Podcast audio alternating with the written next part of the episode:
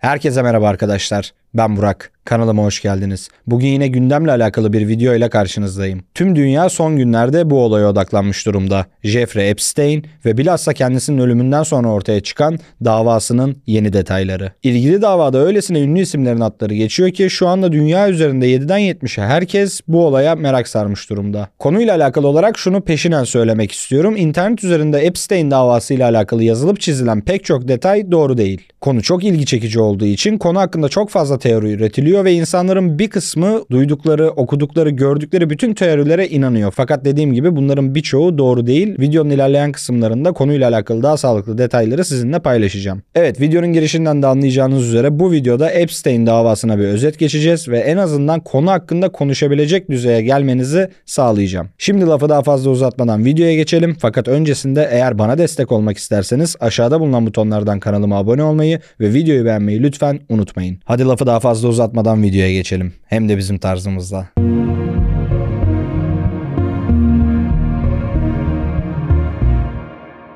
Jeffrey Epstein Amerikalı bir finansçı, daha doğrusu bir iş insanı. Jeffrey 20 Ocak 1953 tarihinde Brooklyn, New York'ta Yahudi bir ailenin oğlu olarak dünyaya geldi. İş hayatına ilk olarak öğretmenlikle başladı fakat sonrasında öğretmenlik kendisini tatmin etmeyince bankacılık ve finans sektörüne merak sardı. Jeffrey gelir gider konusu üzerine yaptığı çalışmalarıyla kısa süre içerisinde sektöründe büyük bir popülerlik yakaladı. Bu alanda yaptığı çalışmalar sayesinde tanıştığı insanlarla hem kısa süre içerisinde network'ünü büyüttü hem de gerçekten çok kısa bir süre süre içerisinde multimilyoner oldu. En azından kendisi hakkında kısa bir araştırma yaptığınızda denk geldiğiniz bütün hikaye bu. Az önce de bahsettiğim gibi finans sektöründe kariyer adımlarını hızlı hızlı atarken bu sektörde pek çok ünlü insanla tanıştı. Peki ilk olarak tanıştığı ve samimi olduğu bu ünlü isimler kimler derseniz bir çırpıda sayabileceklerim Donald Trump, Bill Clinton ve York Dükü Prens Andrew. Evet bu isimlerle tanışmak herhalde öyle kolay bir şey değildir fakat Jeffrey bunu çok kısa süre içerisinde başardı. Tabii ki bu ünlüler dışında sanat camiasından bilhassa Hollywood'dan da çok fazla isim bulunmakta. Listeye şöyle bir baktığınız zaman şunu çok rahat bir şekilde görebiliyorsunuz. Jeffrey her iş sektöründen en iyilerle tanışmış durumda. Hem siyasi alanda hem sanat dünyasında hem ekonomi alanında her yerde. Aslında sadece bu saydığım isimlere daha doğrusu Jeffrey'nin kısa süre içerisinde elde ettiği network'e bakarak bile kısa süre içerisinde ne kadar kadar çabuk güçlendiğini fark etmişsinizdir. Hatta çok ünlü bir tabirle de anlatmaya çalıştığım şeyi güçlendirmek istersek network is net worth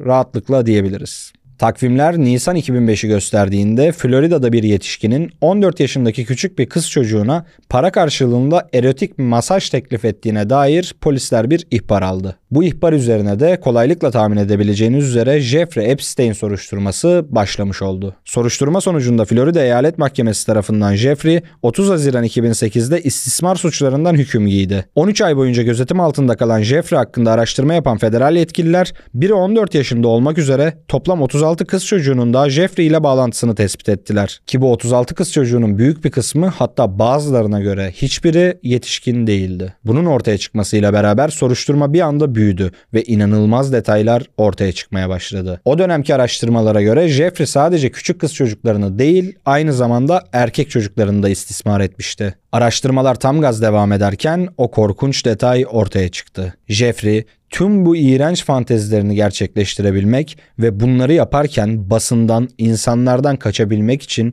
Amerika'da bir ada satın almış ve bu adaya özel bir çiftlik kurdurmuştu. Üstelik Jeffrey bu adayı basit bir tatil adası gibi de tasarlamamıştı. Adanın içerisinde antik tasarıma sahip bir tapınak, bir sürü ritüel odası, birbirinden farklı çıkışları olan alt geçitler bulunmaktaydı. Üstelik bu adayı Jeffrey sadece kendisi ve karanlık fantezi dünyası için değil, aynı zamanda zaman zaman gelen misafirleri için de kullanmaktaydı. Adaya zaman zaman gelen Jeffrey'nin o ünlü arkadaşları küçük yaştaki çocuklarla beraber olabilmek için Jeffrey'e ödeme de yapıyorlardı. Bu arada tam bu hususta şunu belirtmem gerekiyor. Adada yalnızca çocuklar yoktu, yetişkin insanlar da bulunmaktaydı. Detaylarına zaten birazdan fazlasıyla gireceğiz. Mevcut tabloda olay hızlıca büyüyor ve gitgide çirkinleşiyordu. Tam olarak bu esnada çok enteresan bir gelişme yaşandı. Bilmeyenler için Amerika'da bu tarz davaların nasıl gittiğine dair, nasıl yürütüldüğü görüldüğüne dair kısa bir bilgilendirme yapmak istiyorum.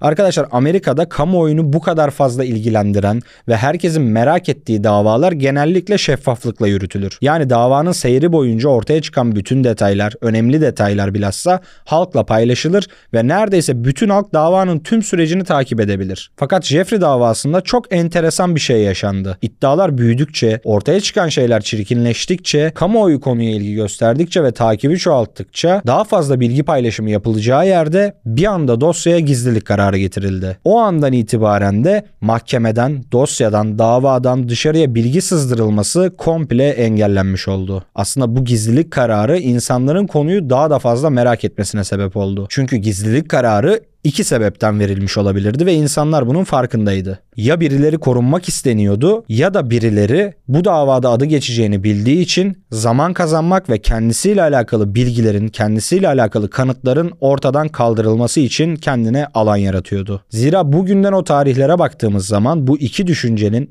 her ikisinin de ne kadar doğru olduğunu çok net bir şekilde görmekteyiz. Çünkü her şeyi bir kenara bırakıp sadece adı geçen 3 isme bakalım.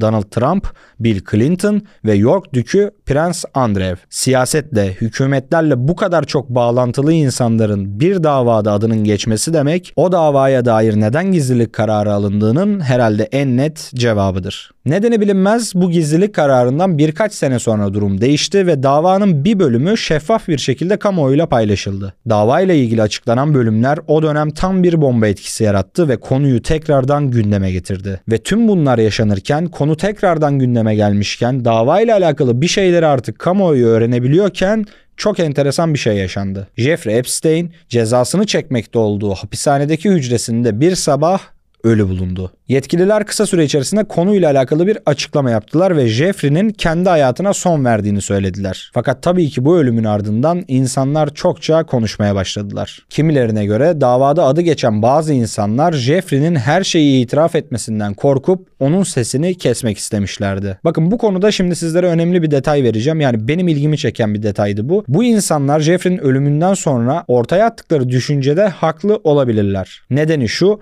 Jeffrey ölmeden önce yani bu adadaki olaylar gerçekleşirken adadaki olaylardan görüntüler kaydeden bir adamdı ve 45 terabayta yakın da bir arşivi olduğu söyleniyor. Birileri Jeffrey bunu kendini garantiye almak için yapıyordu diyor konu hakkında. Birileri de ünlü isimlere şantaj ve tehdit yapabilmek için böyle bir arşivi vardı diyerek Jeffrey'nin bu hareketini açıklamaya çalışıyorlar. Ki bana kalırsa tehdit ve şantaj kısmı bence daha ağır basan taraf. Ve bunun konuşulması da davada adı geçen bazı insanların korkmasını ve Jeffrey'nin susmasını istemelerini doğal kılıyor. Dosya, dava, soruşturma bu kadar büyükken Jeffrey Epstein'in ölmesi tabii ki davanın sonu olmadı. Dava tam gaz görülmeye devam etti ve dava görüldükçe daha da korkunç detaylar bir bir ortaya çıkmaya başladı. Jeffrey'nin adası tüm dünyanın tanıdığı ünlü isimlerin karanlık fantezilerini gerçekleştirebilecekleri, sınırsızca eğlenebilecekleri ve tüm bu eğlencelerini halktan, basından ve herkesten uzak yaşayabilecekleri bir adı olmuştu. Jeffrey kurduğu bu adada tüm dünyadan gelen ünlü konuklarına adaya getirdiği kız ve erkekleri sunuyor, çoğu reşit bile olmayan çocuklarla bütün iğrençliklerini yaşayabilme imkanı sağlıyordu. Yine iddialara göre adadaki çocuklara illegal maddeler de kullandırılmaktaydı. Tabii ki iddialar sadece çocuk istismarıyla sınırlı kalmıyor arkadaşlar. Soruşturmadaki gizli bir tanığın ifadesine göre üniversite çağındaki genç kız ve genç erkekler adaya getiriliyor.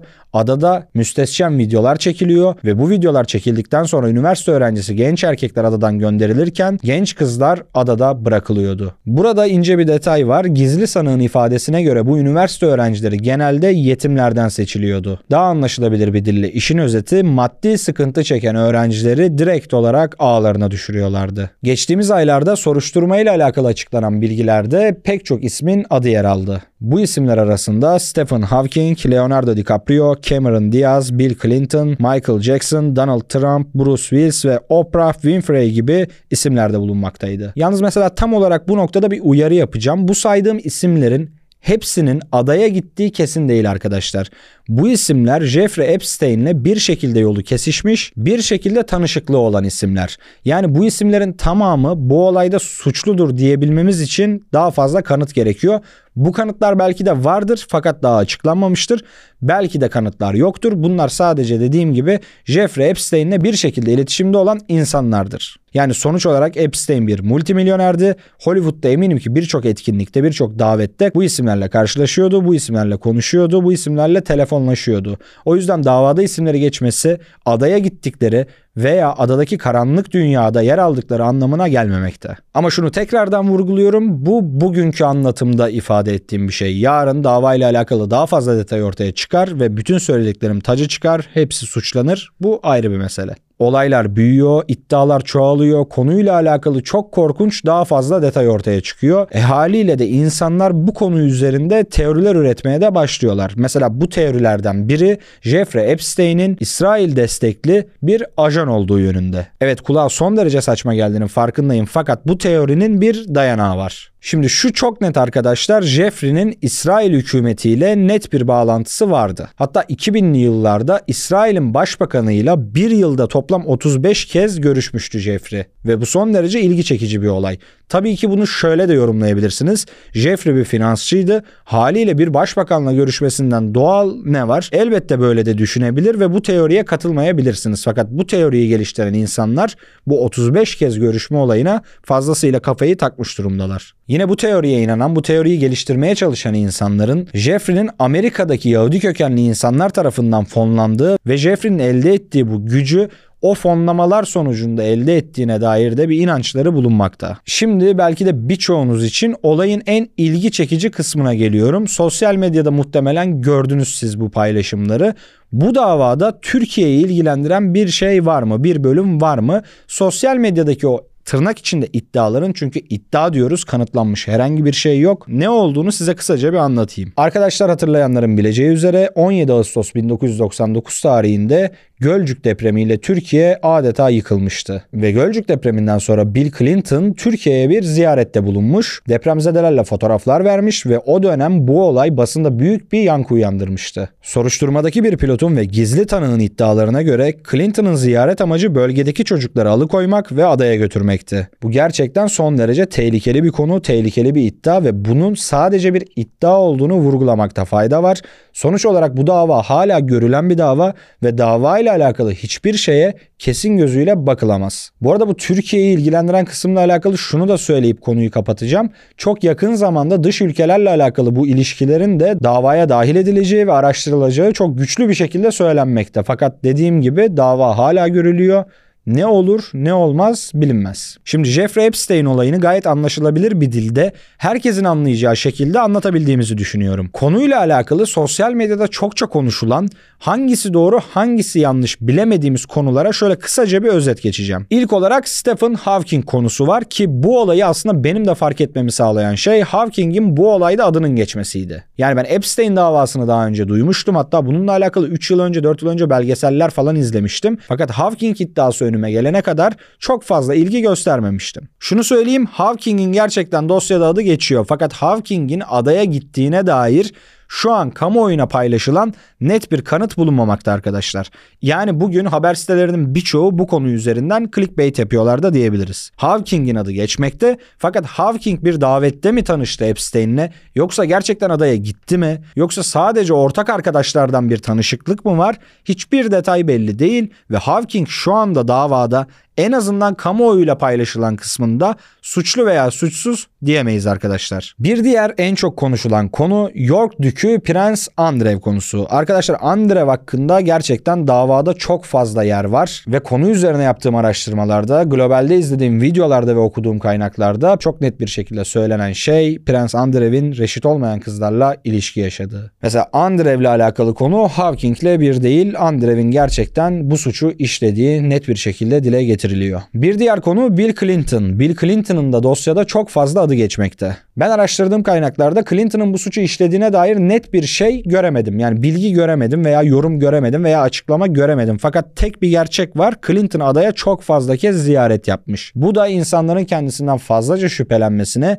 hatta ve hatta bazı insanların ona net olarak suçlu gözüyle bakmasına sebep veriyor. Clinton konusunu da en azından benim videoyu çektiğim bu tarihlerde bu şekilde açıklayabilirim. Şimdi gelelim bir diğerine. Pop'un kralı Michael Jackson'a. Michael Jackson hayatını bilenlerin çok rahat bir şekilde hatırlayacağı üzere hayattayken zaten çocuk istismarı konusundan yargılanmış ve sonrasında aklanmış bir insandı. Haliyle bu dosyada adı geçince de insanlar kolaylıkla inandılar. Şimdi Michael Jackson konusu şu an için davada farklı bir pozisyonda. Çünkü Michael Jackson'ın adaya gittiği net arkadaşlar. Davadaki dosyadaki gizli bir sanık ki bu sanık adada bulunan reşit olmayan çocuklardan biri. Şunu ifade ediyor. Michael Jackson bu adaya geldi evet fakat bu karanlık olayların yaşandığı kısma hiç gelmedi. O adaya kendi avukatının bir daveti üzerine geldi, görüşmesini gerçekleştirdi ve adadan gitti diyor. Çocuğun bu beyanı beyana inananlar için aslında bu dava özelinde Michael Jackson'ı aklıyor. Ki eski davasında Michael Jackson'ın aklanmasını insanların büyük bir kısmı elinde bulunan güç ve network'ü sayesinde bu davadan yırttı olarak yorumluyordu, öyle görüyordu. Aslında bu davadan aklanması demek belki geçmişindeki o davada da sonucuna inanmayan insanları inandırabilecek pozisyona getirebilir. Ya davanın gelişiminde en çok merak ettiğim konulardan biri gerçekten Michael Jackson'ı ilgilendiren kısım ve takip ediyor olacağım. Evet Epstein davasını sizlere en özet haliyle anlattığımı düşünüyorum. Fakat